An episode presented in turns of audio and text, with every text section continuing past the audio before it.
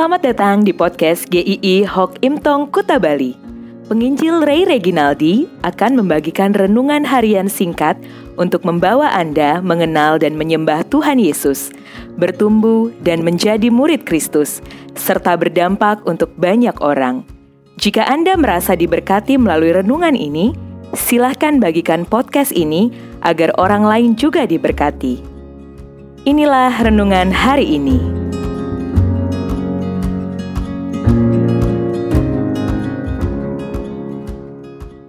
Tetaplah berdoa. 1 Tesalonika 5 ayat 17. Sudah umum kalau hari ini kita melihat orang memakai masker. Yang aneh adalah kalau ada orang-orang di jalan yang tidak memakai masker. Tetapi satu pemandangan yang lucu yang saya perhatikan beberapa kali adalah ada pengendara-pengendara sepeda motor yang memakai masker tetapi tidak memakai helm.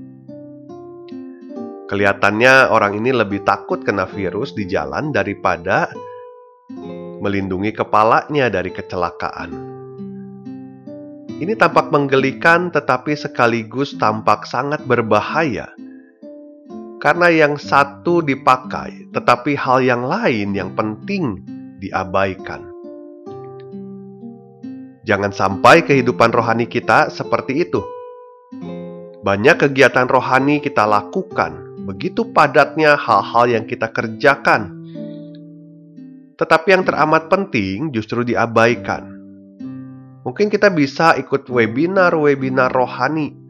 Kita bisa mendengarkan banyak khotbah dari YouTube.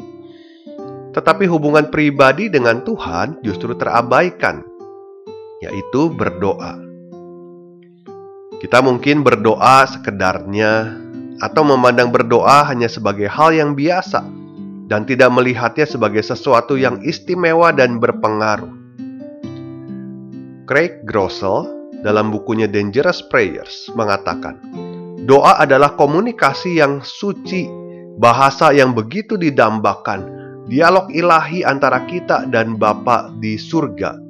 Bahkan dia mengatakan doa itu untuk setiap orang sangat unik, seunik sidik jari yang kita miliki.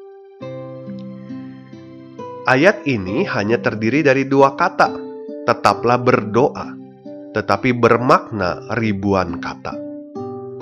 Terlihat sederhana, namun sangat kaya akan kemurahan. Mengapa berdoa? Kita jangan sampai menyia-nyiakan relasi dengan Tuhan. Dulunya kita tidak terhubung dengan Tuhan karena dosa-dosa. Mau pakai cara apa pun, kita tidak akan pernah terhubung dalam Yesaya 59 ayat 1 dan 2 dikatakan, Sesungguhnya tangan Tuhan tidak kurang panjang untuk menyelamatkan, dan pendengarannya tidak kurang tajam untuk mendengar.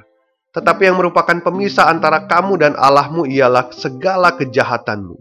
Dan yang membuat dia menyembunyikan diri terhadap kamu sehingga ia tidak mendengar ialah segala dosamu. Dosa adalah penghalang komunikasi kita dengan Allah tetapi syukur kepada Allah karena penghalang terbesar itu sudah dirobohkan oleh Tuhan Yesus. Kematian Tuhan Yesus menanggung dosa kita, membuat komunikasi dengan Tuhan tersambung kembali. Inilah yang paling indah di dalam Tuhan Yesus. Hubungan kita dengan Allah dijalin kembali dan tidak akan pernah terputus lagi. Di dalam Kolose 1 ayat 21 sampai 22 dikatakan, juga kamu yang dahulu hidup jauh dari Allah dan yang memusuhnya dalam hati dan pikiran seperti yang nyata dari perbuatanmu yang jahat.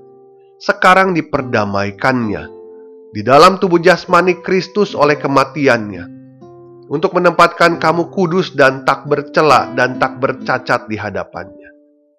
Maka tetaplah berdoa, artinya teruslah terhubung dengan Tuhan anda bisa berkomunikasi dengan Tuhan kapan saja. Tidak ada pribadi yang lebih mengerti Anda selain dari Tuhan sendiri. Tuhan adalah pencipta kita. Dia yang mengerti kehidupan kita sampai yang paling dalam. Apa yang kita sembunyikan dari orang-orang, Tuhan tahu. Tetaplah berdoa berarti berdoa dengan tidak berhenti-henti. Atau berdoa itu menjadi bagian yang tidak terpisahkan dari kehidupan kita sebagai orang percaya. Saat berdoa adalah saat kita juga mempercayakan kehidupan kita kepada Tuhan. Saat kita tahu bahwa kita memiliki sandaran yang paling kokoh di dalam hidup ini. Di dalam masa sulit, bisa saja kita bingung menentukan langkah mana yang harus kita ambil. Kita sudah bertanya kepada beberapa orang, tetapi tetap ragu. Datanglah kembali kepada Tuhan, berdoalah, minta hikmat daripadanya. Kita juga mungkin merasa takut dan gentar sekali menghadapi hari-hari ke depan. Semua mimpi di tahun ini banyak yang buyar sampai kita tidak berani punya cita-cita lagi. Firman Tuhan hari ini tidak mengatakan tetaplah takut, tetaplah khawatir, tetapi tetaplah berdoa. Berdoa kepada Tuhan yang memegang seluruh perjalanan sejarah, termasuk perancang hidup kita yang memegang masa depan. Anda mungkin ada yang sudah jauh dari Tuhan, sudah lama sekali tidak berdoa, merasa mungkin percuma saja berdoa Ingat, tidak pernah sia-sia kita berdoa.